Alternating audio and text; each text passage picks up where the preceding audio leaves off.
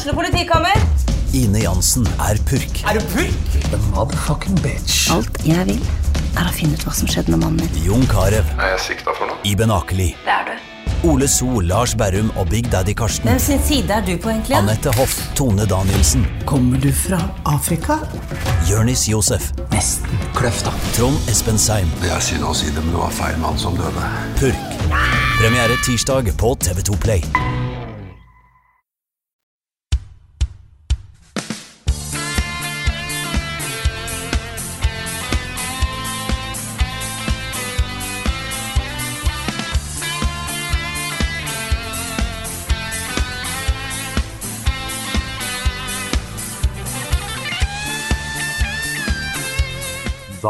Er det bare å lene seg forover i setene, folkens, for nå er det tid for Level Up Awards. Årets happening i Podcast Norge. Vi skal kåre de beste prisene til de beste spillene i hele 2021. Let's go! Er du klar? Frida, Rune, Nick, er dere klare? Oh yeah! Ja, nå er det rett og slett på tide. Dette er en store kåringen. Den viktigste kåringen, faktisk, vil jeg si. Den aller viktigste. Av alle. Av mm. alle. Du trenger ingen flere kåringer. Du kun trenger denne. Level Ja. Up Awards. Det er sant. Jeff Keeley, uh, cry your heart out. Nei, vi har rett og slett satt oss ned på forhånd, gått gjennom en hel drøss med kategorier og valgt ut nominerte og vinnere. Det er en iherdig prosess. Ja, det er, det er alltid brutalt. Vi, Krangling. vi må jo liksom eh, Jeg syns vi er ganske flinke da, til å ikke krangle, jeg må si det. Vi er, eh, det er, det er disku, diskusjon på høyt nivå, Det er det. men, Mhm. eh, men vi, vi har kommet fram til noe, altså. Og vi håper at vi har kommet fram til noe bra. Vi tror vi har kommet fram til noe ganske bra nå. Vi Ja, for vi har jo vanligvis så har vi jo våre, um, også da i tillegg, eh, personlige topp ti-lister. Jeg kan jo avsløre allerede nå at min uh, kommer først på NRK i romjula. Eh, og så kommer det også en video av liksom, med den samme rekkefølgen da, på kanalen vår etter hvert. Sikkert tidlig i januar eller noe sånt. Og så kommer deres også fortløpende. Og det er på en måte de listene som, som er mest personlige. Eh, I denne kåringen så har vi jo på en måte ofte diskutert oss fram til den mest rettferdige vinneren. Og så Jeg vil ikke si det er objektivt, fordi det er jo noen kategorier her hvor noen føler mye sterkere enn de andre og sånne ting. Og da har det jo en tendens til å lene litt den veien, kanskje. men, eh, men her har vi jo liksom ikke nødvendigvis uh, de samme vinnerne som vi ville hatt i en helt subjektiv, personlig kåring. Og det, jeg syns alltid det er litt gøy, altså. Å sette oss ned og diskutere oss gjennom året på den måten her. Det, er, det er gøy, og så er det interessant, fordi vi må på en måte finne ut hva mener Level Up om Returnal og sånne ting. og det er en ganske sånn vanskelig diskusjon å komme seg gjennom. Muligens et av de største diskusjonstemaene i år. Ja, kanskje, det var kanskje. jo allerede nesten tegn til eh, krangling i dette her eh, Google-dokumentet vi hadde. Nei, det vil jeg Eh, ikke. Der det var litt stikk til hverandre fra ei side til den andre. Ja. Det var litt som en sånn, sånn taggevegg, hvor du ser at to taggere har krangla. og hviska ut Yes. hverandres ting og sånn. Mm. Jeg kan jo røpe at en plass var returnal endra til return nei. Ja. Men det er jo en sånn vanlig skrivefeil som alle kunne begått, føler jeg. yep. Men nå er vi klare.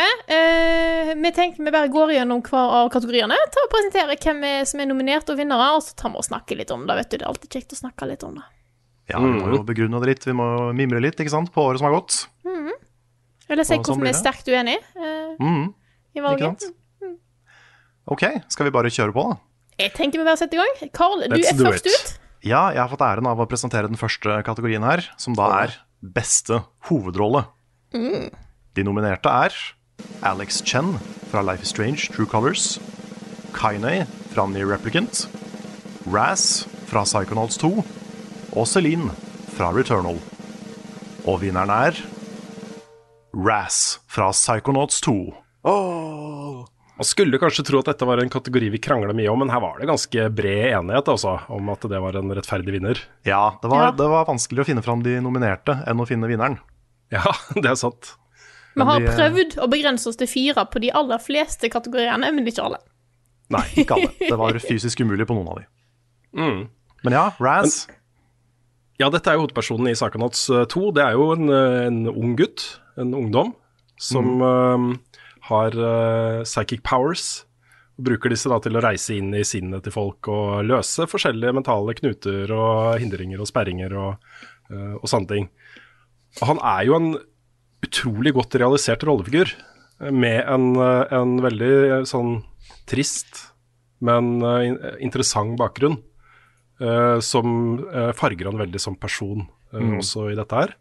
Så dette er liksom ikke en, eh, en vanlig sånn eh, eh, cartoony, endimensjonal rollefigur. Han har masse lag og uh, veldig spennende å følge han. Du får veldig, veldig veldig sympati med han, og uh, uh, ja, det, det er veldig gøy å følge han da. Følge hans historie. Det er veldig ålreit. Ja, det er sant. Han er, han er ikke så wacky som han kanskje ser ut. Han har liksom en del dimensjoner, og, og dette er jo en, på mange måter en sånn oppveksthistorie. Mm. Om at han prøver å tre inn i det voksne livet og få eh, liksom respekt og anerkjennelse fra de han ser opp til, og, og sånn. Mm. Og det mm, er veldig, veldig bra realisert character story. Ja, Når det gjelder Psychonauts 2, så er jo på en måte rollefigurene og manuset og dialogen er jo kanskje det spillets aller aller sterkeste kort. Det er mye annet bra der også, men det er særlig de tingene da som hever det spillet eh, til å bli en, en sånn fantastisk opplevelse, føler jeg, da. Eh, og det er jo mye Tim Shafer, da. Tim Shafer har vi jo eh, fulgt lenge, fra Monkey Island og Grim Fandango og de gamle tingene han lagde, til, til i dag. Jeg syns, syns det er så kult å se han holde koken på den måten her, med et så skarpt manus. da. Så velskrevet og skarpt manus som dette er. Det er eh, ganske sterkt, altså. At han fortsatt har den gløden til å skrive et manus som er så bra som dette er. Nå har han jo fått hjelp til manuset denne gangen, men, eh, men dette er jo mye, da, Tim Shafer. Og jeg syns det er eh, kos, altså. Mm. Men det er, det er gøy å gå tilbake til Psychonauts 1 også, for det også var utrolig sånn forut for sin tid på manus. Ja. Det hadde sånn ordentlig sånne gode eh, TV-serie-film-characters før det var vanlig å se da, i, i spillmediet. Så han fortjener mye kudos for det, altså. Mm. Vi Ellers, jeg vet ikke om vi skal si noe om de andre nominerte her, eller om vi skal gå videre til neste kategori. Kanskje vi skal gå videre? Ja, vi vi kommer, til å, vi kommer til å diskutere mye de andre seinere. Ja. Yes. Neste kategori da er beste birolle. Eh, og de nominerte der er Dr. Hakim fra It Takes Two. Emil fra Near Replicant. Kit fra Ratchet Clank Rift Apart. Og Juliana Blake fra Deathloop. Og vinneren er Emil fra Near Replicant. Og nå gir jeg ordet til Nikkei, vær så god. Det er jo my boy. Endelig så vant han en pris. Og hodet til Yoko Taro, forresten. Det òg. For det er jo maskoten til serien, ikke sant? Nei, det er eh, det, det, Nå må jeg også være litt forsiktig, for jeg har jo ikke lyst til å spoile historien. Men da, å, han, For han er jo Han er Peter Parker i Near-universet, dere. Han har det Jeg skjønner. bare fælt. Jeg skjønner litt hva du mener. Han er en sånn underdog. Eh, veldig sånn utypisk character i et sånn type spill. Ja, og så er det at det liksom eh, Et poeng med Near er at det skal være en litt mer Ikke akkurat realistisk, kanskje, men en mer brutal fantasiverden. I hvert fall hvis du sammenligner det med andre JRPGs og sånn. Noen av dem er ganske brutale, men Near er veldig brutalt. Og så er det fortsatt lite, en, en liten kid her. Og verden tar jo ikke hensyn til det i det hele tatt, ikke sant? Så han har jo en av de mest tragiske bakgrunnshistoriene som er her. Men han velger fortsatt å være en helt. Nei, og så er det egentlig bare spesielt nå som folk fikk oppleve Near Replicant, så er det så gøy å se åssen rollen hans er i de andre spillene òg. Han er liksom overalt. Og så syns jeg at han er en så Jeg klarte ikke å se noen andre bedre biroller, altså. Er jeg veldig bare så klart, da, for jeg spilte det originale òg, men han har fått så mye med character i det spillet her. Så det har skjedd mye med den her eh, 1,5-versjonen av Replicant. Ja, det har det. Det er, Men det er jeg- ikke, jeg- det er ikke 1,5, det er 1,32597. Det er et eller annet sånn sånt. var, ja. ja, og en kvadratrot et eller annet sted der, eller et eller annet sånt. Ja, det er mange tall. Ja, og liksom bare informasjon som var enten gjemt i bøker eller ikke fikk lov til å liksom bli offentliggjort i Vel, i Vesten og sånn. At det nå er en del av the law som fikk lov til å være med i denne remake, remaster, rebooten, eller hva den er. Nei, så det er eh, Og igjen, jeg har ikke lyst til å spoile det, men han er et sånn høydepunkt i den historien der. Mm. Jeg innser nå at vi ikke har en kategori for stemmeskuespill, men en opplagt vinner der hadde jo også vært Kainei. Altså Laura Bailey som Kainei. Ja, stemmer. Hun er, er Laura Bailey det? fantastisk. Ja, hun er fantastisk i den rollen. Han er så Ok. Så ja. Og han har, han har kul musikk, det er det jeg skulle si. Han har dritkul soundtrack som er enda bedre nå i denne remaster-remaken. Så jeg er veldig, veldig glad for at my boy tok den her, altså. Ja, men det er bra. Da tror jeg vi skal gå videre til neste kategori her. Den er det du som skal dele ut, Nick. Ja, fordi da er det Vanligvis så har vi jo Best Boy og Best Girl-kategorien. Men dette her var et år hvor ting var litt uh, Karakterene var litt mer voksne. Ka- Kanskje. Um, og derfor så har vi da gjort det så fint som at uh, vi, har best, vi har årets konge og årets dronning dette året her. Og nå er det da tide på årets konge, som da teknisk sett er Best Boy, men det er årets konge. Og de nominerte er da Spamton fra Deltarune Chapter 2. Anton Castillo fra Far Cry 6. The Duke fra Resident Evil Village. Og King of Fasade fra Near Replicant.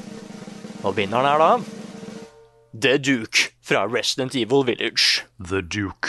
For en herlig rollefigur, altså. Ja. Du blir så glad når du ser nå. Han er, liksom, han er jo creepy og rar og mystisk og sånn, men han er den ene liksom ikke-antagonistiske figuren i det spillet. Og så lager han ja, mat til deg kom- Mm. Ja, så hver gang du kommer dit, så, så er du trygg. Mhm. Så det kommer den derre der, du er trygg-musikken og, og sånne ting, ikke sant. Så sitter det der berget av en person som det ser ut som han har lyst til å spise deg, liksom.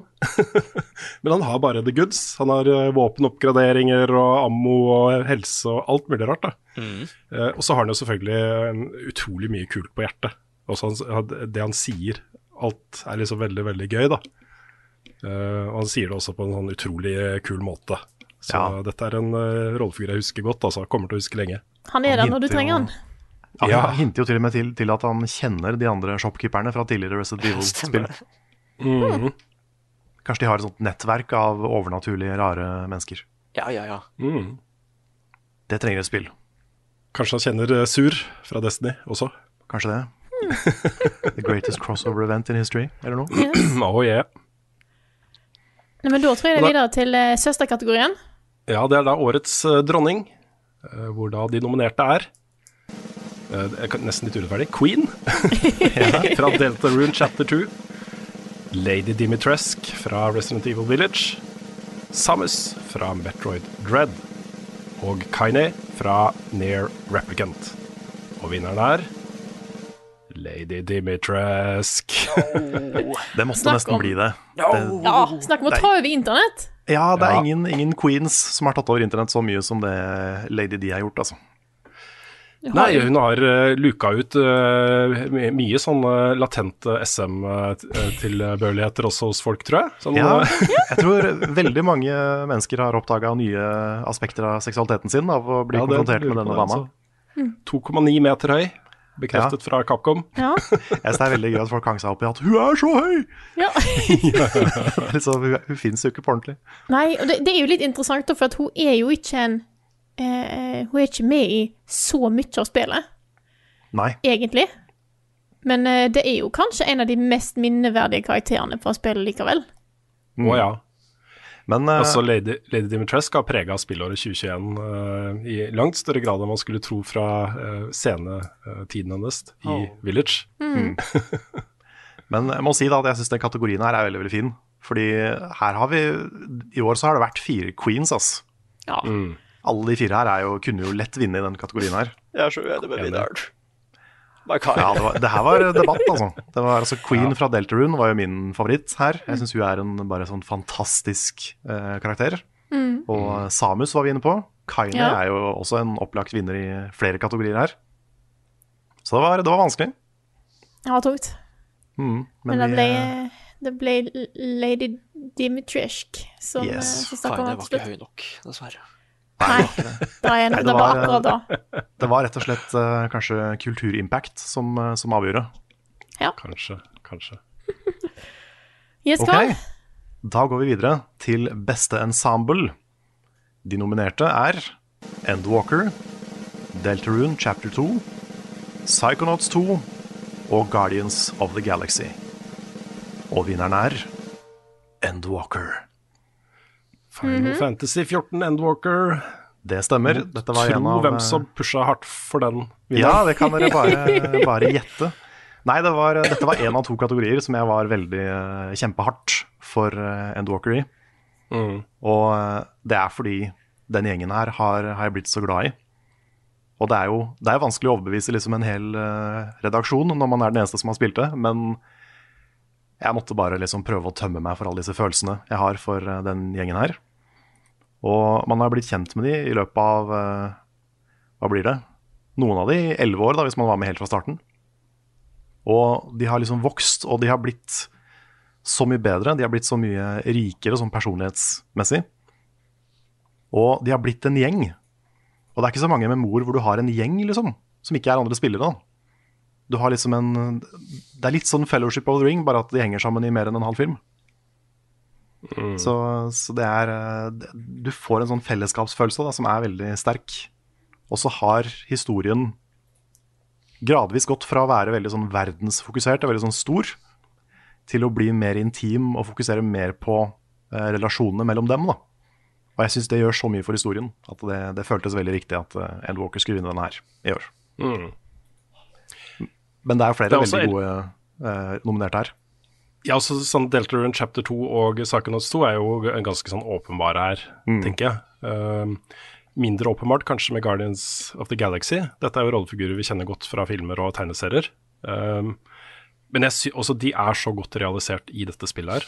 Og det arbeidet de har nedlagt i å gjøre de til, uh, til troverdige, gode rollefigurer i spillet, er jo grunnen, mye av grunnen til at det spillet faktisk er bra. da. Fordi der kunne de ha feila så hardt. Hvis det var liksom åpenbart at her prøver de bare å kopiere Chris Pratt og de andre fra filmene, liksom, uten å helt lykkes.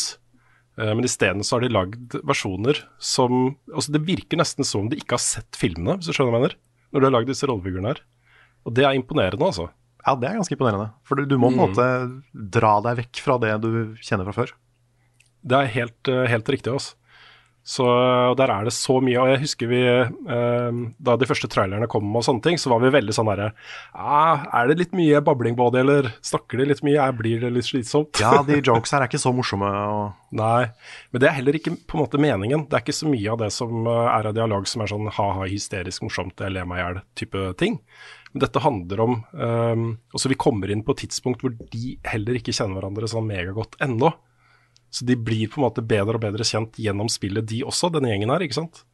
Uh, og de har jo eh, veldig mye til felles. Også alle uh, i denne gjengen her har utrolig tragiske bakgrunner. Uh, og dette er familien deres. Dette er deres valgte familie, ikke sant. Og så har du Dette er jo et action-adventure-spill, men du har mange og lange og gode sekvenser hvor du bare står og snakker med hverandre. Og pusher ut så mye dialog du kan, ikke sant, til du ikke gidder mer.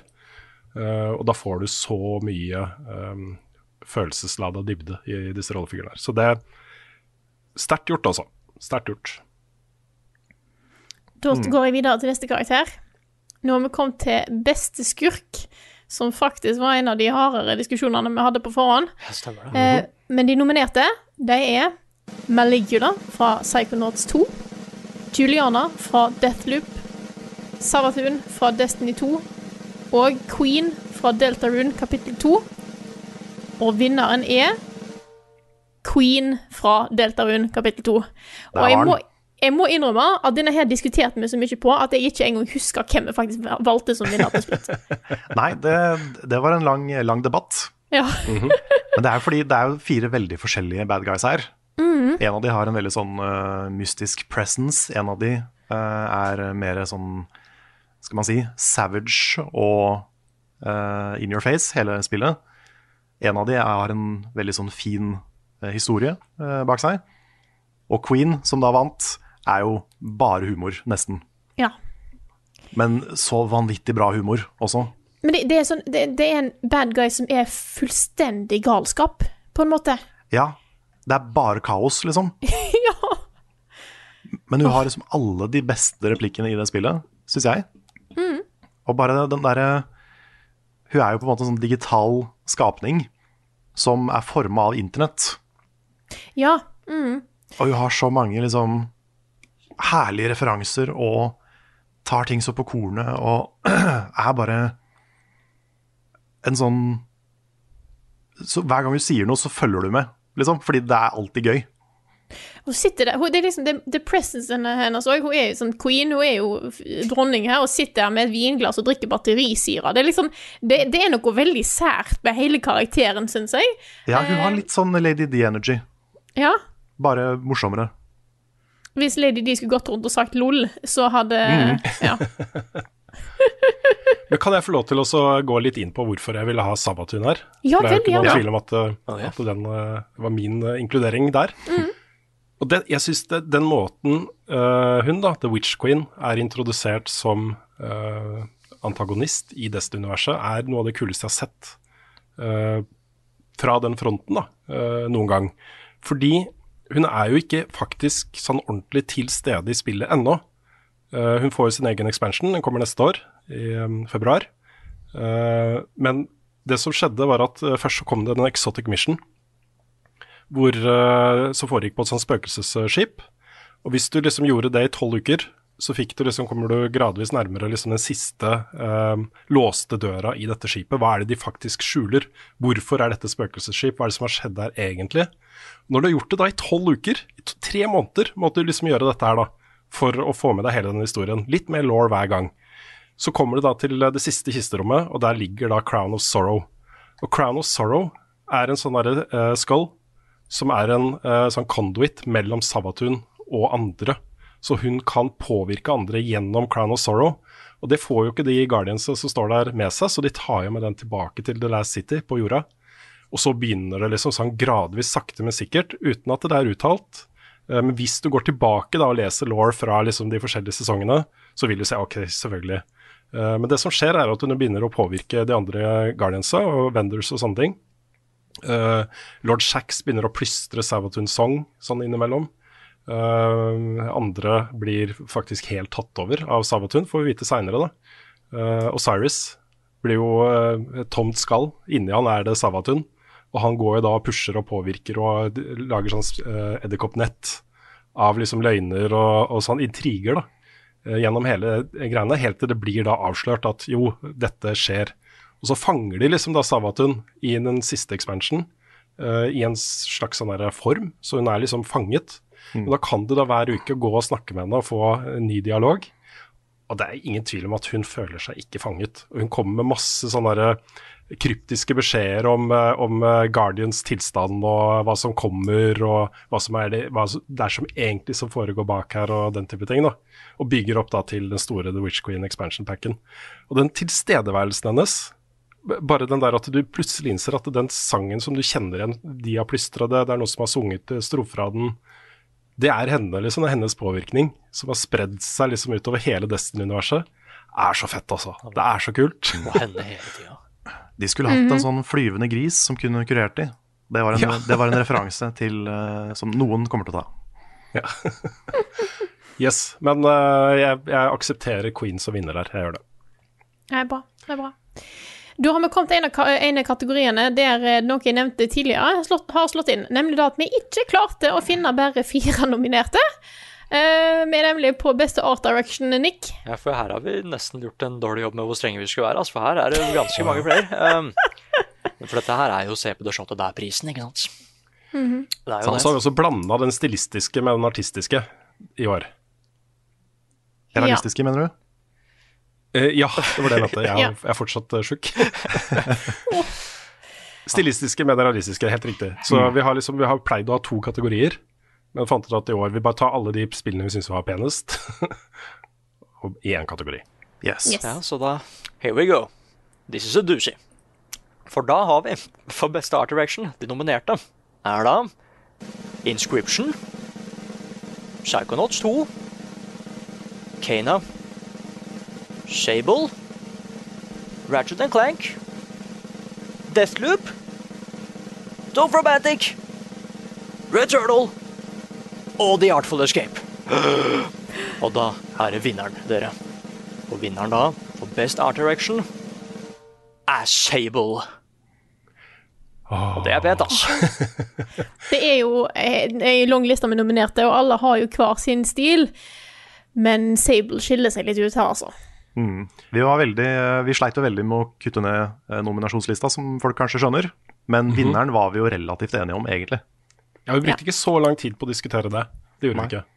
Selv om man kan argumentere godt for alle disse spillene her, egentlig, eh, så var det den vi var mest enige om. Ja. Det er en Og her er, dette er et spill som ikke inneholder noe konflikt og kriging og slåssing og den type ting. Eh, det har noen litt sånn klassiske eh, action adventure-oppgaveløsing. Og så snakke med folk og finne ting og, og sånt. Men her er på en måte reisen er historien, og opplevelsen er det du ser og opplever, og sanseinntrykk og den type ting. da. Eh, og det er bare en så utrolig godt realisert verden, dette her. Den er jo veldig sterkt inspirert da, av eh, Mobius, en veldig kjent belgisk tegneserieskaper. Um, men det er implementert da i 3D-verdener på en måte som jeg ikke har sett før, rett og slett. Det ser bare så utrolig pent ut. Men jeg synes det, det sier jo noe kult da om spillåret 2021 at vi har ni nominerte i den kategorien her. For det, det, det sier noe om hvor mangfoldig liksom, det visuelle i spillet har blitt. da. Og det er jo mye fordi uh, nå er det ikke sånn lenger at alle går for å, være, for å ha den beste, mest realistiske, realistiske grafikken. Ikke alltid grått og brunt. Nei, det var noen perioder hvor det var veldig sånn samey i, i mange spill. Ja, det var en Da var jo spillbransjen også prega nesten bare av trippel A-spill. da. Men nå som vi har fått indies, nå som vi har fått så mange uh, nye visuelle uttrykk, så det er så mye mer spennende, og det er så kult å se. Og så syns jeg jo at indie-scenen har uh, mye mer variert eh, grafisk uttrykk nå enn da det hadde en periode. Det var veldig veldig. mange pixel 2D-spill, det var det.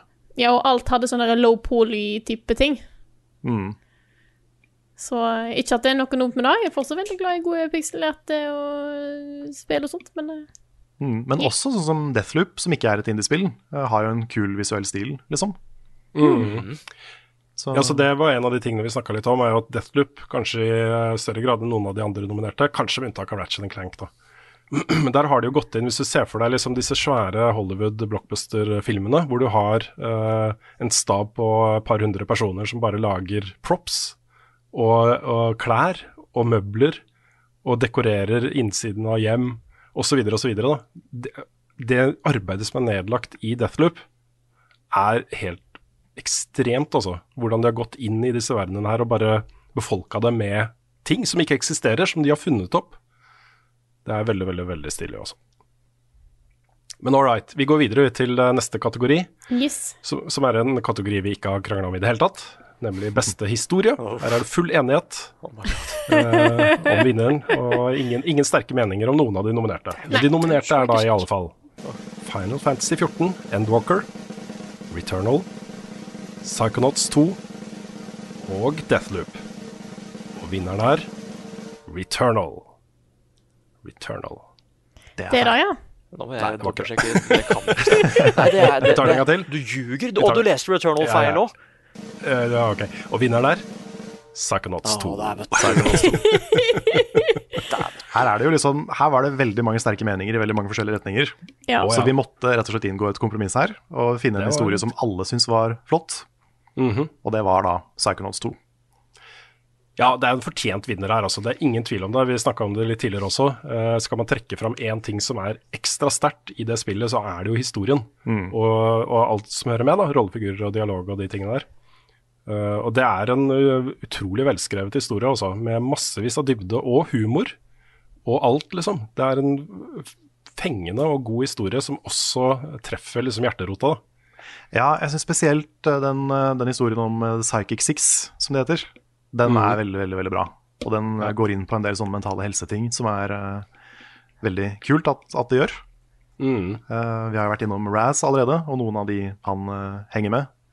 Jeg syns jo Mia og Åh, oh, nå har jeg glemt hva han andre heter. Han, eh, han med brillene. Han, han Jeg husker ikke. Nei. Det burde jeg huska, i og med at jeg syns han er så kul. Men, eh, men veldig veldig mange av de karakterene er så bra realisert, og historien og måten de uh, kommuniserer på, måten historien blir fortalt på, er liksom top notch, da. Mm.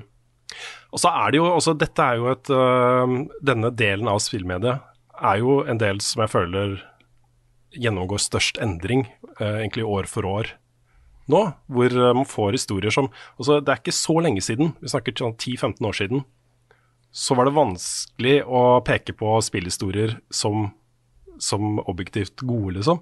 De er mange gode historier til spill, og de beste historiene var kanskje de som ikke var så uttalt. De som var mer sånn i bakgrunnen gjennom law og deep law og den type ting. Eh, men i liksom type cutscenes og eh, dialog og eh, fortalt historie, ganske mye av de historiene som jeg syns var gode for 15 år siden, som kanskje ikke er så gode satt opp mot bøker og filmer og TV-serier og sånt, da. Men, men gråt du ikke da Dante ville fill her dark soul with light, altså? Nei, jeg gjorde ikke det. Nei, jeg gjorde ikke det. Sasha Nei, het den. Sasha. Sasha Nine. Stemmer det. Men, men det, er også, det, det er så høy kvalitet på, på uh, spillmanus om dagen. Og jeg har lyst til å bare nevne en liten ting som har gjort meg skikkelig opprørt i uka som har gått. Uh, det har jo vært en sånn derre uh, Narrators Guild husker, Det er en sånn guild som, av historiefortellere i medier, forskjellige medier, hvor spill har vært inkludert i det siste, men nå blir de kasta ut. da.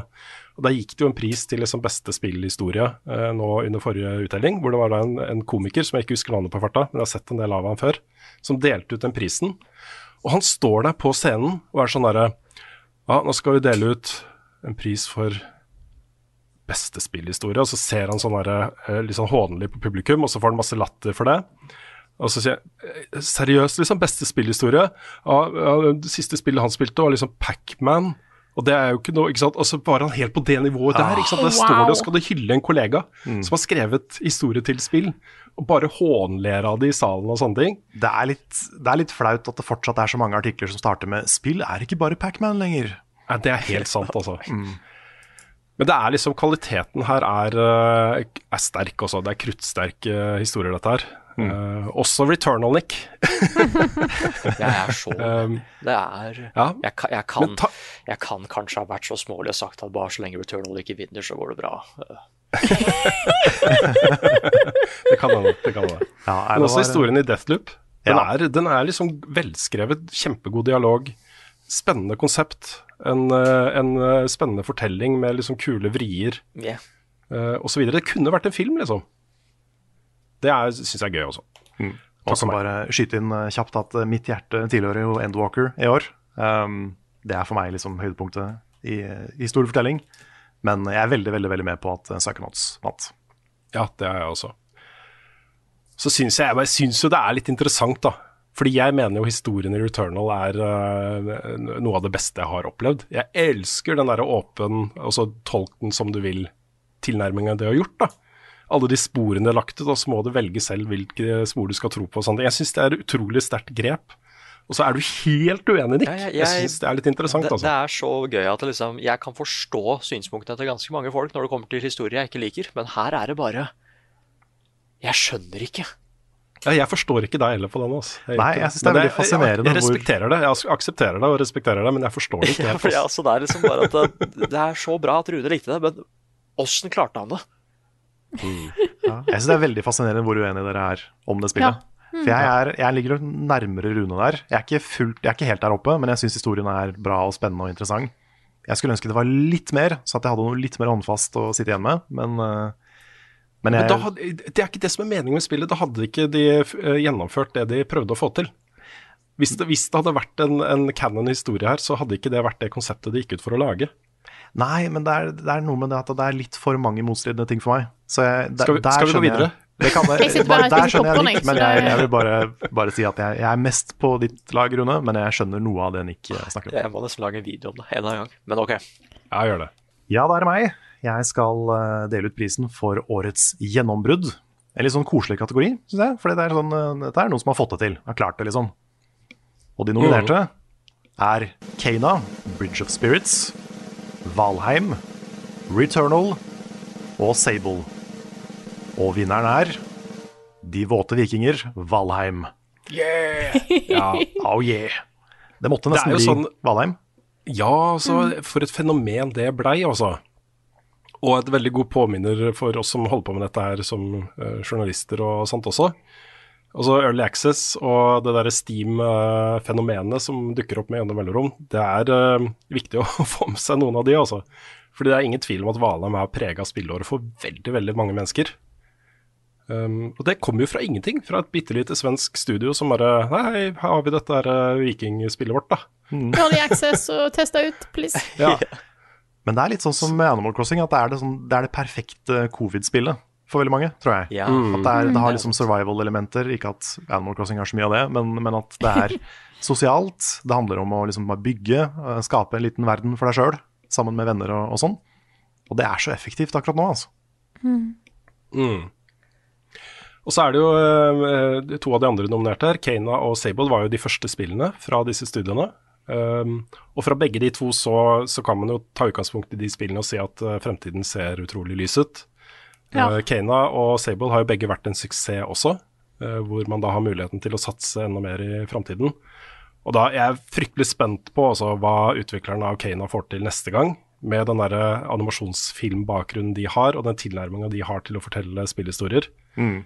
Så, så syns jeg vi har sett potensialet til noe kjempebra, altså. Mm. Hos dem. Selv om jeg ikke er superfan av Kana selv, så var det tendenser der som eh, gjør meg veldig nysgjerrig på framtiden. Mm. Det var ting i animasjonskvaliteten på Kena som jeg ikke eh, tror nesten jeg har sett før Mm. i spill. Og så er jo Returnal her. Returnal er jo ikke det første spillet til, eh, til Housemark. Absolutt ikke. Dette er jo Finlands eldste spillstudio. En eldste nålevende. Også der eh, var spillselskaper som ble starta før, men de eksisterer ikke lenger. Eh, de har slått et par andre selskaper med noen måneder. Eh, men de har holdt på da siden eh, tidlig 90-tall, slutten av 80-tallet, et eller annet. og lagd veldig mye sånne smups. Super Stardust, Next Machina uh, osv. Resogun, lanseringsspill til PlayStation 4 dette var første gang de satte seg ned, og så, og så tenkte jeg skal skal vi satse litt mer da, folkens? Skal vi lage noe som er liksom i full 3D og med en historie og med masse greier, liksom? Svært. Noe helt nytt, noe som ingen har sett før. Uh, som vi bruker mye mer ressurser og tid på å satse mer penger på, liksom. Derfor så er det naturlig å ha det med her, da. Her har du et, eh, et eh, Jeg vil nesten sammenligne det med sånne kult-indie-artister. Sånn John Hopkins og, og sånt, som er elska av fansen, men som veldig få egentlig har hørt om i det store bildet. Som lager sånn spesiell og annerledes musikk, som er liksom har kvaliteter uh, for de spesielt interesserte. Dette var da første gangen de brukte de ferdighetene sine til å lage noe som var mye, mye større. Um, og selv om det fins folk som ikke liker det, så er det også mange som liker det. og det har, det har, jeg tror det har solgt ganske bra. Uh, og det endte jo med at Sony kjøpte hele selskapet, så de er også tydeligvis fornøyde. Så et åpenbart gjennombrudd. Absolutt. Da vil jeg gå videre til en kategori som er veldig 2021. Vi har nemlig kommet til årets timeloop-spill. Ah, det er så gøy. Det, er, det har jo vært et år preget av timeloops. Eh, noen eh, får eh, høre med de nominerte, for de er Returnal, Deathloop, 12 Minutes og Imposter Factory. Og vinneren er Returnal. Den ene kategorien, ene kategorien hvor det var lett å argumentere. Ja. Ja, Nei, det den er- uh, Returnal fortjener navn. Det er, det er interessant hva, hvor mange timeloop-spill som plutselig kom ut i løpet av året. Og det har jo vært store spill alt sammen. Sant? Returnal Deathloop og, og 12, min 12 Minutes eh, har jo alle tre vært veldig eh, mye snakk om. Eh, og Imposter Factory er jo òg Det er vel tredje spill i serien, er det ikke det, Karl? Jo, det er jo. Stemmer. To the Moon og Finding Paradise, og så nå Imposter Factory, ja. Det stemmer. Den lista var jo egentlig lengre. Vi hadde et par-tre andre spill på den lista også. Ja, ja Mange timeloops i år. Ja. Veldig mange timeloops. som vi kunne ikke ha med fordi det hadde vært spoiler. Ja, det er helt sant. Ja. Nei, Returnal, eh, Rune, er du fornøyd med at uh, du, du fikk, den, uh, fikk den her? Holdt på Ja, å si. jeg, jeg er jo det. Jeg er jo det. Um, også den timeloopen er jo egentlig bare, hva skal man si, aktuell hvis ikke du får det helt til, da. Fordi eh, jeg endte jo opp med å ha sånne runs på tre, fire, fem timer, og i ett tilfelle så runda jeg hele spillet uten å dø en eneste gang. Og da er det jo ingen timeloops her. da går du liksom bare videre. Uh, men, uh, men det er noe med den der at altså, i starten For første brett i dette spillet er likt uansett første, også aller første gang du setter foten din på uh, både første og fjerde biome, er helt lik. Uh, og da er det sånn du går bortover der, og så finner du liksom en uh, astronaut på bakken, og så snur du på den, og så er det deg selv, ikke sant. Og så finner du strødd utover hele verden her, så ligger den ene etter den andre versjoner av deg selv som har dødd tidligere i den verden her, ikke sant. Og det er besnærende, altså. Besnærende. Jeg har liksom en mistanke om at det at ikke den blir liksom fullt realisert, da, det elementet eh, i historien, kanskje har en liten sammenheng med at Nick føler seg litt snytt. kanskje. Ja, altså, for jeg, jeg, jeg ser ikke noen grunn til at jeg skal ha en timeloop engang. Så ja, jeg sa det til og med. Nei, jeg er også ganske uenig der, for at jeg føler at de andre historiene trenger faktisk timeloopen sin for å fortelle den skikkelig. Ja, for du har jo sånn som 12 Minutes, som er jo virkelig et eh, detektivspill, og du skal prøve å finne ut hva det er som skjer og sånt, og da trenger du den timeloopen. Ja, Eh, vi, vi er jo ikke sånn superfan av 12 Minutes, egentlig noen av oss. Men grunnen til at det er nominert her, er jo at eh, det bruker timeloopen sin veldig bra. Det er jo det Ja. som er hele premisset til spillet. Konseptet er kjempekult. Mm. Ja, det var en sånn åtte av ti, ni av ti de første to timene Ja. for meg. Ja. Og så gikk det rett i dass etter hvert. Ja, ikke sant. Men konseptuelt kruttsterkt, da. Ja. Um, og det kan man jo i hvert fall si om Deathloop også. Altså, her, det her er jo uh, timeloopen implementert som en helt, helt, helt sentral uh, gameplay-mekanikk. hvor du spiller en stretch. Alt er jo likt da, hver gang, liksom, men du spiller en stretch, og så får du litt informasjon som gjør at du kan hoppe over uh, ting du uh, bare vet nå. Da har du fått den koden til den safen, eller, uh, eller til den snarveien inn til dit, eller et eller annet, liksom. Så kan du bare gå videre neste gang, ikke sant. Yeah. Det er veldig, veldig, veldig stilig, altså. Skal vi hoppe videre? Ja, Let's go. fordi, fordi den her er også veldig spennende, dere. For det er beste comeback. Og da, da bare sier jeg de nominerte med en gang, dere. Mm. Mhm. Sparer ikke noe tid her. Det er da New Pokémon Snap, Metroid Dread, Halo Infinite og Ratchet Clank.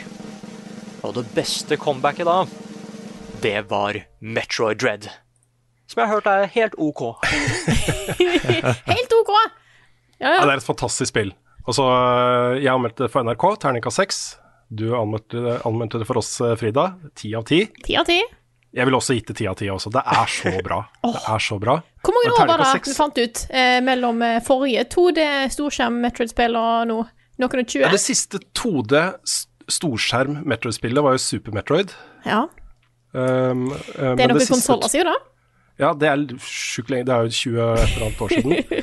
uh, men dette er jo også et, endelig da et nytt kapittel i historien, som fortsetter historien. Og der var jo 2004, Metroid Fusion, var jo det forrige kapittelet der, liksom. Så dette er Metroid 5, da. Dette er liksom Så Metroid Prime og en del av de andre tingene som har kommet, er jo sånn, forteller jo forhistorie og mellom og sånne ting, liksom. Det er en faktisk fortsettelse av historien. Det er så fett, altså.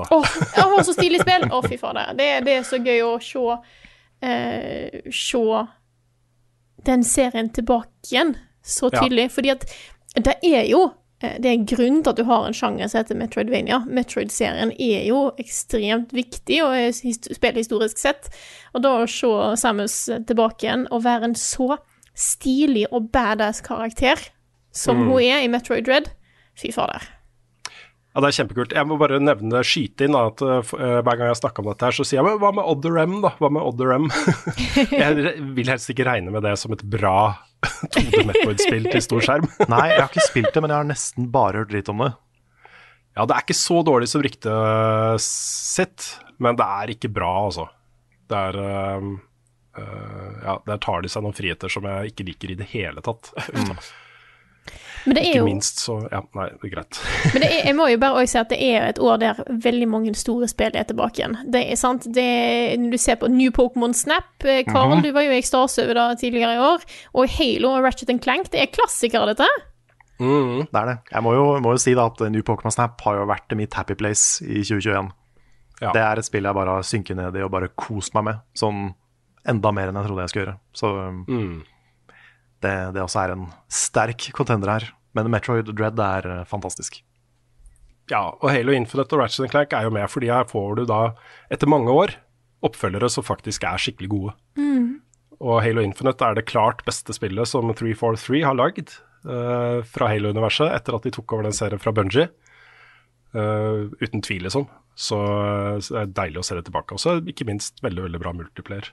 Um, og så er også Ratchet Clank et kremspill. Det er kjempe, altså Ikke bra nok kanskje til å hevde seg helt i toppen på mine lister, og sånne ting, men det er et kjempebra spill. liksom. Det var gøy å se da, at eh, de var tilbake i så eh, god form. Yeah.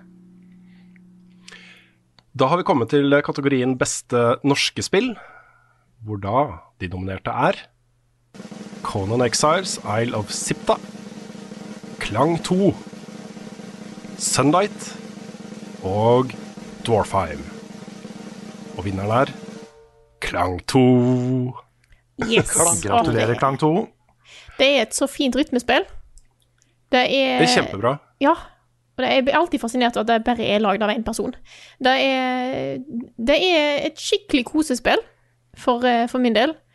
Og jeg har nevnt det før, men jeg føler at eh, her så får en virkelig tatt med eh, det som funker bra for Klang 1, og gjort det bedre.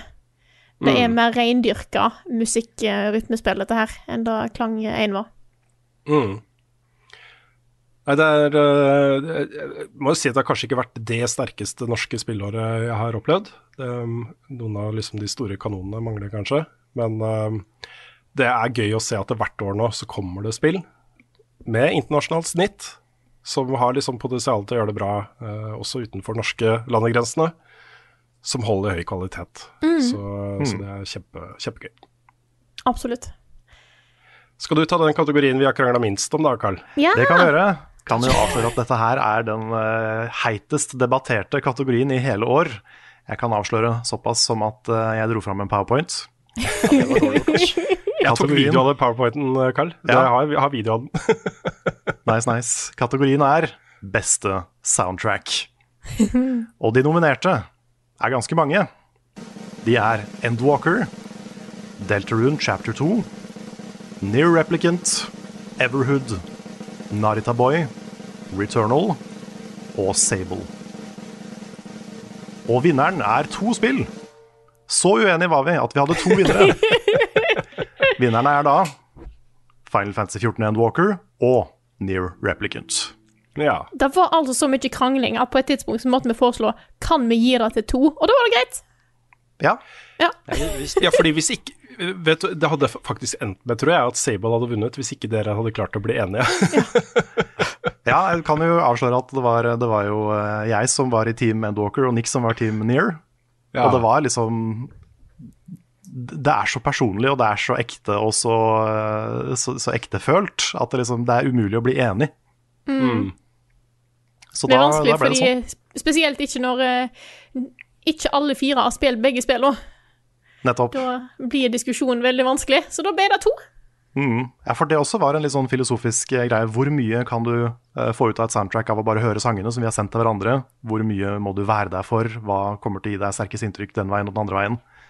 Så det er, det er en vanskelig pris. Og det er alltid en kontroversiell pris for oss. Vi er jo aldri, vi er aldri enige om den. Nei. Nei, det er sant. Så igjen, hvis eh, Jeg liker jo som regel at vi har én vinner, men hvis dette var sånn som Deer Hvis dette var den eneste måten Deer kunne vinne på, så måtte jeg bare ta den. ja. Men hva er det med Near-soundtracket, Nick, som er så, eh, er så bra? At vi ikke fikk en kopi av det originale. At de faktisk lagde det på nytt igjen. Uh, mest også fordi at det er uh, um, en sånn svær ting men det er var at de, de fikk aldri nok tid til å fullføre det soundtracket. Og Derfor var jeg også veldig spent på remasteren, fordi oi, kanskje de både har lagt inn nye sanger uh, og fullført de gamle. Og det er, like at, det er bare at De har ikke bare fullført dem, men de har også gitt dem nye partier. Noen av dem er remixa på en helt annen måte, og de har putta dem smartere inn i spillet. Det, de er mye flinkere til å liksom fade det inn med cutscenes og historie og gameplay nå da, enn det det forrige er. Hvor du har flere scener som bare er helt stille, mens her så kan du ha noe byggende musikk. Og så er det egentlig bare at det er så ikonisk. Det er så Det, det er sånn alle, Man har jo hørt det, så klart, men alle veit at det er Near. Om, For det det er- minner meg veldig om, eh, om soundtracket fra Near Automata. Det gjorde det. Ja, Mm. og jeg liker også at det er eh, Fordi det er liksom det samme språket som de har lagd der. Og det er jo Du hører at det er så klart den samme karen som har lagd det. Men jeg liker fortsatt hvor forskjellige de soundtracksa er. For jeg forventa det bare at jeg husker soundtracket så vidt. um, men jeg mener at det var ganske likt Nier Automata, og så var det noe helt annet i denne remaster, rebooten, remaken, som vi ikke helt vet hva vi skal kalle det nå. Nei, så jeg, jeg er bare Jeg er amazed med at det er så mange sanger som skiller seg så mye ut. Det er så god variasjon, men alle har den near-identiteten sin. Nei, så jeg er kjempeglad i det Kjempeglad i det soundtracket. Og igjen, Derfor var det også det at eh, hvis den kan vinne på én måte, så må jeg bare ta the win. Og du, Carl, hva er det med Endwalker-soundtracket som er Nei, det er, eh, det er vanskelig å forklare kort. Jeg skal prøve å være kort. Uh, men det er noe med det å se utviklinga til da Soken, som er komponisten til eh, Final Fantasy 14, som har måttet hoppe etter uh, den kanskje mest kjente spillkomponisten, Nobuo Yomasu. og bare se hvordan han utvikler seg for hver expansion. Og bare lager bedre og bedre og bedre musikk som bygger på det, det gamle, men likevel utvikler seg og finner nye ting. Han eksperimenterer med nye ting og, får, og bare nailer det.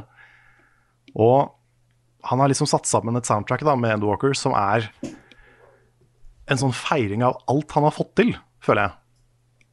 Det er så mange stiler og så mange forskjellige ting som han får til samtidig, og så mange callbacks til ting, mye historiefortelling i musikken. I bare musikken, liksom. Og så mange sanger med tekst, som har liksom passende tekst, som funker med historien. Uh, og det er, sånn vak det er vakker pianomusikk, og det er episke bossfight-themes. Det er liksom alt jeg elsker på en gang. Um, og ikke minst, altså ja, Jeg er jo litt også prega av uh, den talen han holdt på, uh, på Fanfest-eventet de hadde i høst. Hvor han fortalte om at han hadde vært veldig, veldig veldig syk mens han komponerte det soundtracket her. Og det er jo på en måte Det ferdige soundtracket føles som en liksom feiring av at han har blitt bedre. Og det også farger jo liksom litt av musikken når man vet det. Um, ellers så jeg, jeg har ikke nok gode ting å si om det soundtracket. Det er favorittsoundtracket mitt i spill på mange, mange, mange år. Så det er rett og slett bare veldig, veldig meg, og jeg bare elsker den musikken. Da har vi kommet til neste kategori, som er jo også relatert til den forrige. Dette er beste låt, altså beste enkelttrack fra et soundtrack. Og de nominerte er Cruisin' fra Cruisin' Blast, Footfalls fra Endwalker, A Cybers World fra Deltarune Chapter 2, Déjà Vu fra Deathloop, Shadow Lords Castle fra Near Replicant, Hyperion Theme fra Returnal, Glider fra Sable, laga av Japanese Breakfast, og The River fra Outer Wilds Echoes of the Eye. Og vinneren er Glider fra Sable.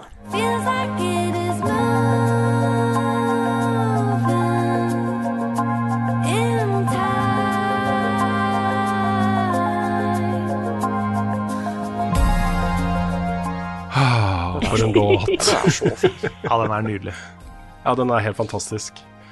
Det er Japanese breakfast. Det er, um, dette er jo et eksempel da, på, på, hvor inspirasjon kan komme fra. Fordi uh, utviklerne, også det er jo to uh, stykker som har lagd designkonseptet her, uh, mye av inspirasjonen til verden kom jo fra Japanese breakfast. De gikk og hørte på henne da, mens de liksom utvikla designkonseptet bak Sable.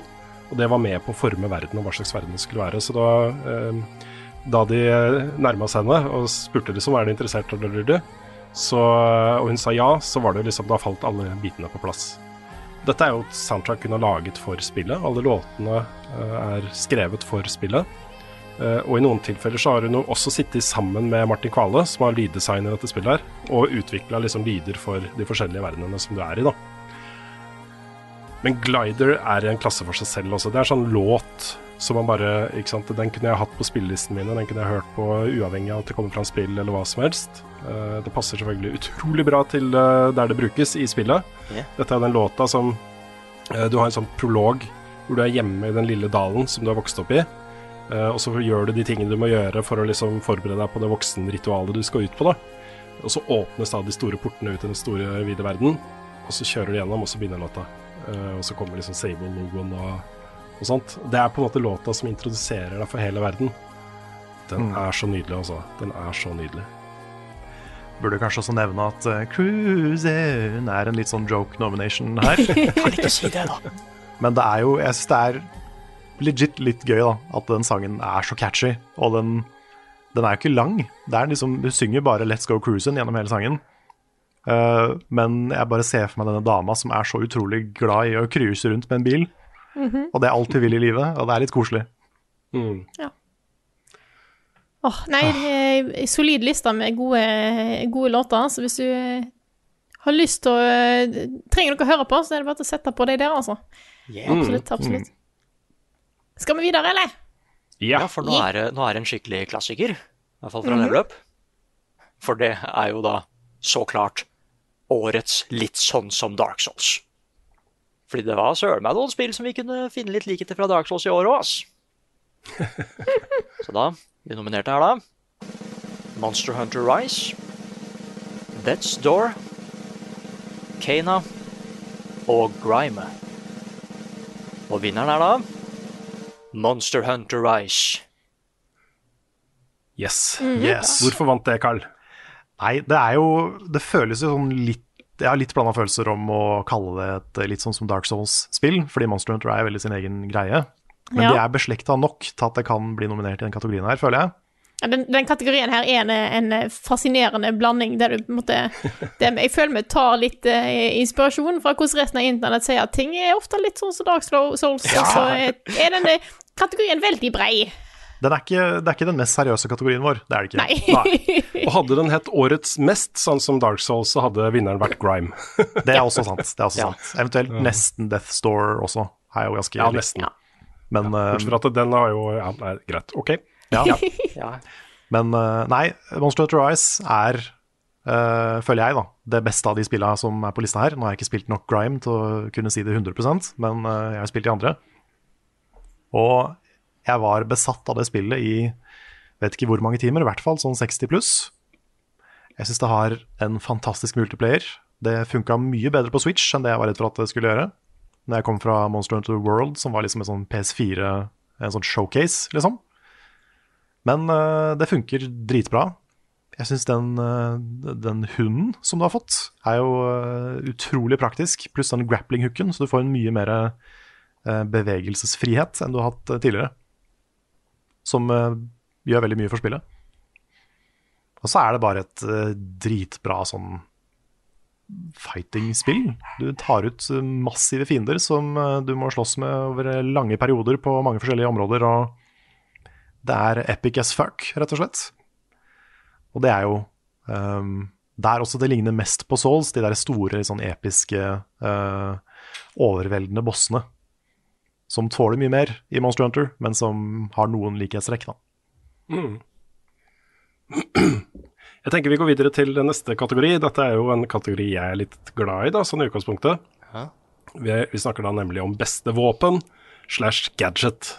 Vi inkluderte begge deler her. Hvor da de nominerte er Oruboros Card fra Inscription. Hjernedøra til Raz i Psychonauts 2. Våpenet Dreadbound fra Returnal. Og M1851 Wolfsbane fra Resident Evil Village, eventuelt også Stake kunne vært slash der. Og vinneren er Dreadbound fra Returnal. Her var vi enige, Nick. Ja. Vi var enige om en ting når det gjelder Returnal. For første gang på lenge. Men, Nå men står ikke været til påske, som det heter. Free Returnal er ikke bare crap, dere. Og vet du hva, kanskje det er derfor jeg også er litt sånn skuffa. Men Dreadbound er så kul. Mm. Vi hadde jo et annet våpen på lista der. Det var uh, Hollowseeker. Hollowseeker. Uh, men det vi kom fram til, er at Hollowseeker er det mest anvendelige våpenet. Du får den der portal turret og sånne ting, liksom. Uh, kan være litt mer safe. Mens Dreadbound er det tøffeste, kuleste våpenet. Og Dette er jo et våpen som har tre eller fire, hvis du oppgraderer uh, den underveis, da.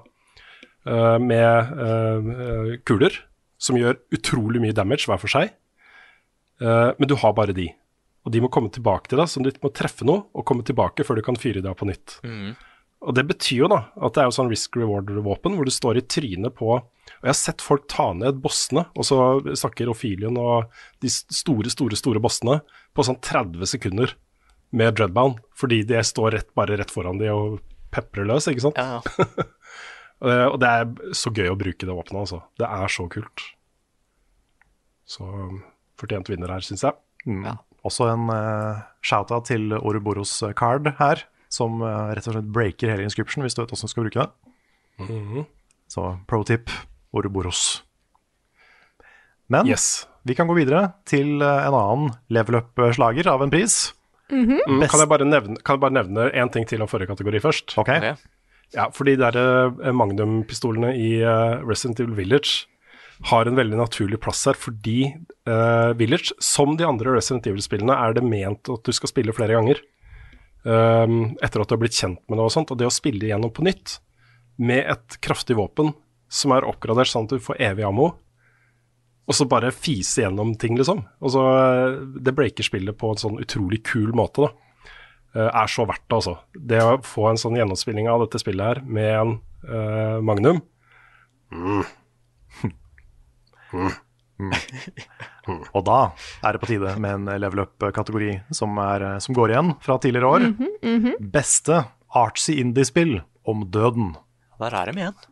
Der er de igjen. Det er alltid mange artsy indie-spill om døden. Og de nominerte er Kana, Bridge of Spirits, Death's Door, Inscription og Everhood. Og vinneren er Inscription. Gratulerer Yes. til Inscription der, altså. her, var det ikke, her var vi ikke så veldig uenige, var vi det? Nei, det, vi var, det tok ikke så lang tid å komme fram til den her. Nei. Inscription er et sånt uh, sært, nydelig, rart, skummelt, men kreativt spill. Om døden. Om døden også. Kanskje ikke like mye om døden som et par av de andre, men det er, det er elementer av det her. Mm. Du er jo fanga i en sånn slags sånn hytte-purgatory, nesten. Det er, det er feil å kalle det. De sier til og med i spillet 'this isn't purgatory', men det, det, det føles litt sånn. Ja. um, og det er, et, det er et av de mest sånn kreative, sånn fascinerende spillene jeg har spilt på lenge. Det er, det er så oppfinnsomt. Det har så mange kule ideer i seg som det faktisk får til å gjennomføre. Da. Så mange overraskelser underveis. Så um, veldig glad for at Inscription vant en pris her, altså. Da går vi videre til beste bossfight. Storslåtte bosskamper er jo alltid viktige spill, eh, og de nominerte her er Spamton Neo fra Delta Rune kapittel 2, Hyperion fra Returnal, Shopkeeper fra Everhood, Louise fra Near Replicant, Donna Beneviento fra Resident Evil Village og Raven Beak fra Metroid Dread. Og vinneren er Hyperion fra Returnal. renner inn priser også til Returnal, selv med kraftig motstand fra enkelte deler av redaksjonen. Der kan du se, Når jeg hjelper deg på noen av dem, da. Da. Ja, for den her var vi ganske enige om, var vi ikke det? Ja, det var vi ganske enige om. Men pokker også for, et, for en lineup av kule bosser. Ja, det ble seks Det er nominerte her. helt absurd, altså. Ja. Åh, sant. nei. Mye bra bosskamper. Jeg tror grunnen da, til at Hyperion vant denne her, er fordi dette er en bosskamp som er integrert i hele den biomen dette foregår i. Dette er det fjerde biomet i spillet, hvor du ankommer ehm, og begynner å høre liksom tonene av liksom smått gjenkjennelig musikk. Det er et eller annet kjent med den musikken. Men den kommer liksom sånn innimellom. Så kommer du da til det tårnet hvor bossen er, og jo høyere opp du kommer i dette tårnet, jo sterkere og sterkere og tydeligere blir musikken. Så kommer du helt over kanten, da står jo Hyperion, bossen, og spiller på et orgel, den låta her, ikke sant. Som da også går gjennom hele bosskampen. Og det er så utrolig kult gjort. Og det er jo et, en slags variasjon da, av låta 'Don't Fear the Reaper', eh, som eh, danner utgangspunktet for den låta her. Og det er, åh, det er så nydelig gjort, altså. Det er så kult. Og så er jo bossfighten i seg sjøl også dritkult designa. Det er, det ser så fett ut. ja, det er kanskje den visuelt kuleste bossen uh, i spillet for meg. Mm. Ja, og en av de morsomste og mest tilfredsstillende å få til også. Fordi det er, kuleregnet er jo bare helt absurd der. Eh, etter hvert så begynner det å sette opp sånne der, eh, eh, tornevegger av busker rundt deg og sånne ting også, i tillegg. Pluss at det kommer masse kuleregn og sånne ting. Og du må dodge alt dette her, da. Og gjøre damage på bossen i tre faser for å få det til. Det er ganske ekstremt også. Men eh, er sjelden følt meg kulere enn eh, i den kampen, rett og slett. Så må jeg si da at uh, den som kom nærmest for min del, var nok Ravenbeak fra Metroid Dread. Den også er fantastisk. Det er en sånn, det er en sånn Souls-boss Ja. Ja. som du lærer deg, og så elsker du den etterpå. Når du har Ja, det. Ja, sånn virkelig. For det er sånn der vegg av 'dette får jeg absolutt ikke til', dør etter bare 10-20 sekunder, liksom, første gangen man er der. Så lærer man litt til og litt til og litt til, og så er det så consistent at du kan bruke den informasjonen du har lært deg til å bare komme gjennom hele dritten. Åh, gøy altså. Å, fy fader, for en, eh, for en kamp, altså. Men også Spamton Neo her. For en fight. Dette er da eh, superbossen i Deltarune chapter 2. Det er jo blitt eh, nesten en tradisjon nå, med en sånn superboss i hvert eh, kapittel. Og den kampen er for det første veldig kul. eh, utrolig vanskelig. Og så har den veldig mange sånne kule narrative ting. Creepy ting i seg. Og spesielt slutten på den kampen her, hvis du spiller den som pacifist, da, er sånn ordentlig ekkel. Da, da fikk jeg liksom frysninger, og det tenkte jeg på etterpå, liksom. Det, det var ekkelt. Men du hadde det mye mye koseligere med en av de andre nominerte, her, da, Donna Beneviento, Carl. Jeg var så glad for at jeg fikk være til stede da du opplevde villaen Hæ? til uh, Donna Beneviento. til helvete. Det var uh, Det var jævlig, ass. Ja, Ja. men uh, ja. Ja, Minneverdig øyeblikk, da. det, det får jeg håpe. Da I er- sacrificed everything. Jeg gjorde faktisk det. For content. Ja. Da er vi faktisk på nest siste eh, kategori her i dag, Nick. Ja, men nå er det en liten sånn bummer òg, ikke sant? For det kan ikke Ja. bare være positive priser her. For det har jo vært noen blunders i år òg, dere. Mm. Jeg ser at det til og med den verste er jo ikke skrevet opp, men jeg husker heldigvis hva det var, så det går fint. eh, fordi de største Ikke prøv deg, skuffelsene Nick. Ikke prøv deg. Ikke prøv De største skuffelsene i år, da. Nominerte er Activision Blizzard generelt. Battlefield 2042. Uff a meg. Grand Theft Auto, The Trilogy, The Definitive Edition. All den jævla NFT-driten. Og så klart Darby Eternal! Nei, nei, nei, nei, nei, den er ikke på lista. Den er ikke på lista. Den, er sto der, Rune. Nei. You can't hide the truth. Men det er dessverre, det er dessverre ikke den, den riktige som vinner, som er Returnal. Men den faktisk viktige, som ah, Det er jo da Activision Blizzard generelt, dere. Det er, Dette, er, dette er en, har vært en sånn konstant bummer gjennom hele året, egentlig. Uh, alle de historiene om hva som foregår uh, i da, et av verdens aller, aller største spillselskaper. Med alt fra um, uh, seksuell trakassering til forbigåelser til eh, mobbing uh, osv. osv. Det er liksom ene historien etter den andre. og Den starta med at du ble saksøkt av delstaten California for brudd på arbeidslover eh, i den delstaten. Og så har det fortsatt da, med den ene tingen etter den andre. Og um, det som jeg syns er liksom nesten vondest, da, etter selvfølgelig de, de faktiske hendelsene, det er jo hvor tilsynelatende lite selskapet faktisk gjør da, for å bedre forholdene. Fordi det gir seg jo liksom ikke. Um, dette kan jo ikke gi seg før de ansatte sier vet du hva, nå tror vi på ledelsen. Vi tror virkelig på at de, vi ser at eh, de tiltakene de gjør har effekt. Dette er et sted vi fortsatt har lyst til å jobbe, og hvor vi føler oss trygge, og hvor eh, vi ikke blir dårlig behandla på jobb. Og det, det punktet har ikke kommet ennå. Det er jo stadig nye sånne ansettelsesaksjoner, altså aksjoner fra ansatte, da. Mot uh, både styret styre og topplederen Bobby Cottick og alt mulig rart, liksom. Så eh, det har vært det trist å følge dette her, altså. ja, når, man, når man ser hvor mye den ledelsen støtter Bobby Cottick, til tross for liksom drapstrusler og all den dritten han har stått for, det er mørkt, altså. Ja. Det er veldig mørkt. Og så er det nå engang sånn at vi har jo også, det, er også det, Nå ble jo de trukket fram spesielt. Det er jo den mest eh, profilerte saken fra eh, 2021. Men eh, vi har, har jo fått historier om lignende ting i Ubisoft. I til og med Bunji, som jo er et selskap som jeg har snakka varmt om som en av de selskapene som virkelig bryr seg om disse tingene her. Eh, kom det en rapport i IGN med mange konkrete historier fra mange uh, konkrete mennesker. Um, det er tydeligvis en litt sånn systemisk ting som gjennomsyrer store deler av spillbransjen. Det er ikke mange selskaper, tror jeg, som er helt fri for disse tingene her. Nei, så Um, dette er jo på en måte en årets skuffelsepris til spillbransjen generelt på de punktene der. Ja. Og så er det nå engang sånn da, at, øh, at øhm, det, det er fantastisk at alle disse tingene kommer opp i lyset. Uh, og vi ser nå f.eks. så har jo de første uh, spillselskap ansatte i USA begynt å organisere seg, fagorganisere seg. Uh, begynner å stille liksom, krav da, til hvordan de vil ha det på, på jobben. Og de ansvarlige blir holdt ansvarlige for dårlig behandling på arbeidsplassen. Så jeg, har, jeg, jeg må si at jeg, selv om jeg blir skikkelig bummed out av alt dette her, så har jeg ganske stor optimisme altså, for at alle disse historiene vil være med på å innføre endring i spillbransjen. Det er sånn ting blir bedre. Så uh, keep fighting the good fight. Yeah. Og så er det, Jeg har også lyst til å bare si, og dette er et poeng jeg også eh, nevner i eh, NRK-artikkelen min om årets beste spill, det er jo at en ting alle er enige om, både vi liksom, og folk som spiller, og de som lager spill, er jo at det ikke er spill det er noe galt med, og at målet vårt er jo bare å, å, å bedre arbeidsforholdene til de som jobber med spill.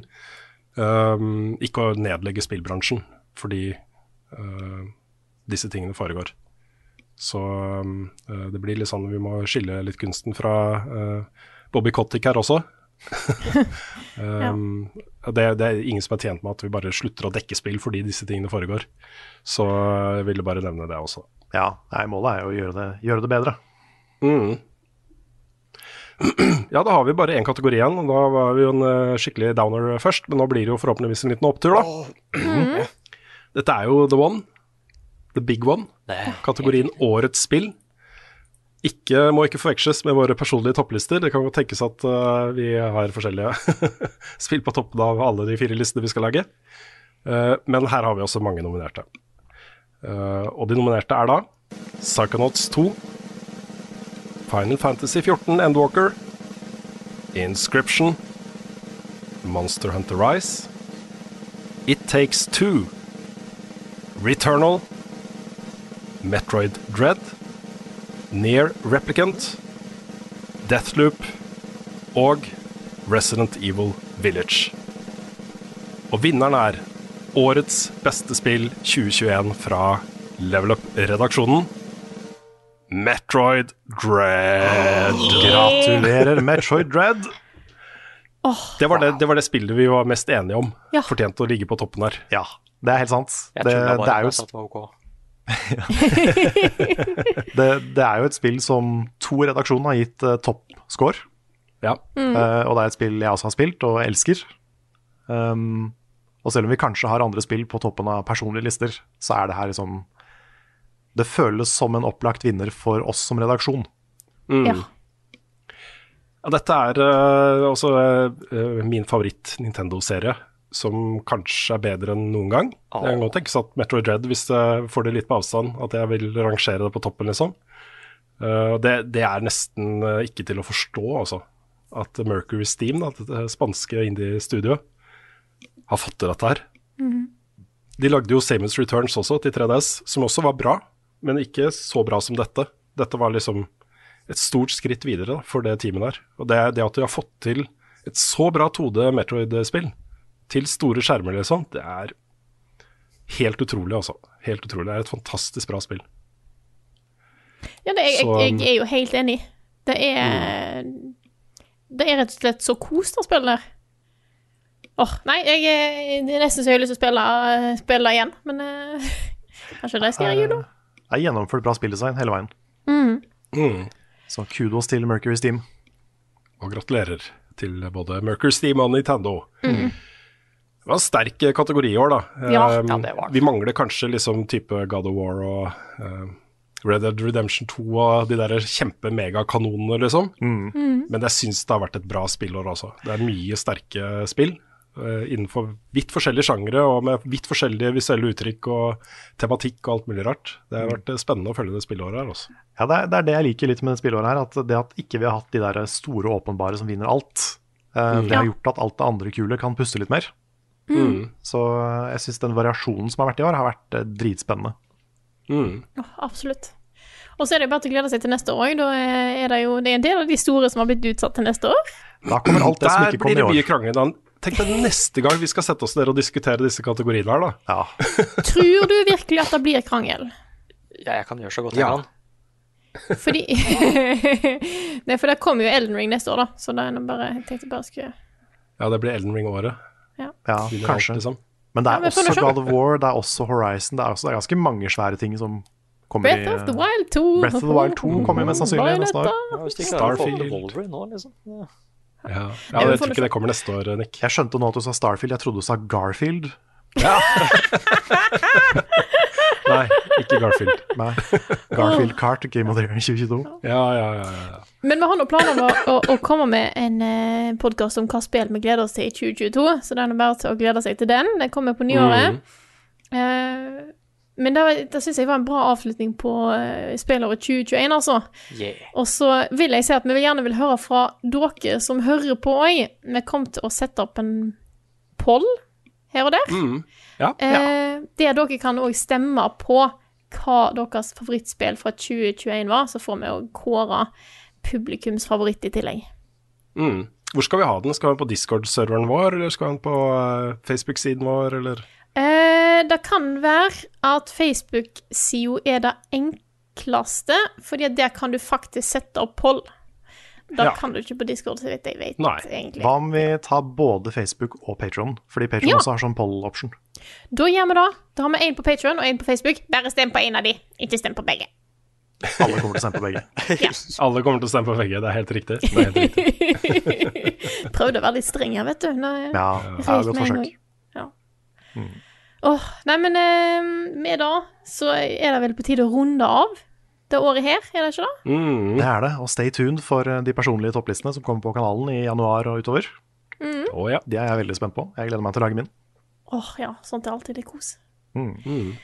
Så da er det jo eh, Nå er det ikke lenge til jul, eh, verken for oss eller for dere som hører på, så jeg vil eh, ønske dere alle sammen god jul. Ta og Slapp av. Spis ekstra mye mat og julekake. Og Da- spill masse. Og spill masse. Og spill masse. Nå kan du spille. Nå har du tid. Ja, Det har du fortjent. Ikke kan man gå ut noe særlig heller, så nå har du ekstra mye tid til å spille. Mhm. Sant? Dette er jo gamernes tid, Ja. Yes. rett og slett. Så god jul, alle sammen. Eh, God jul.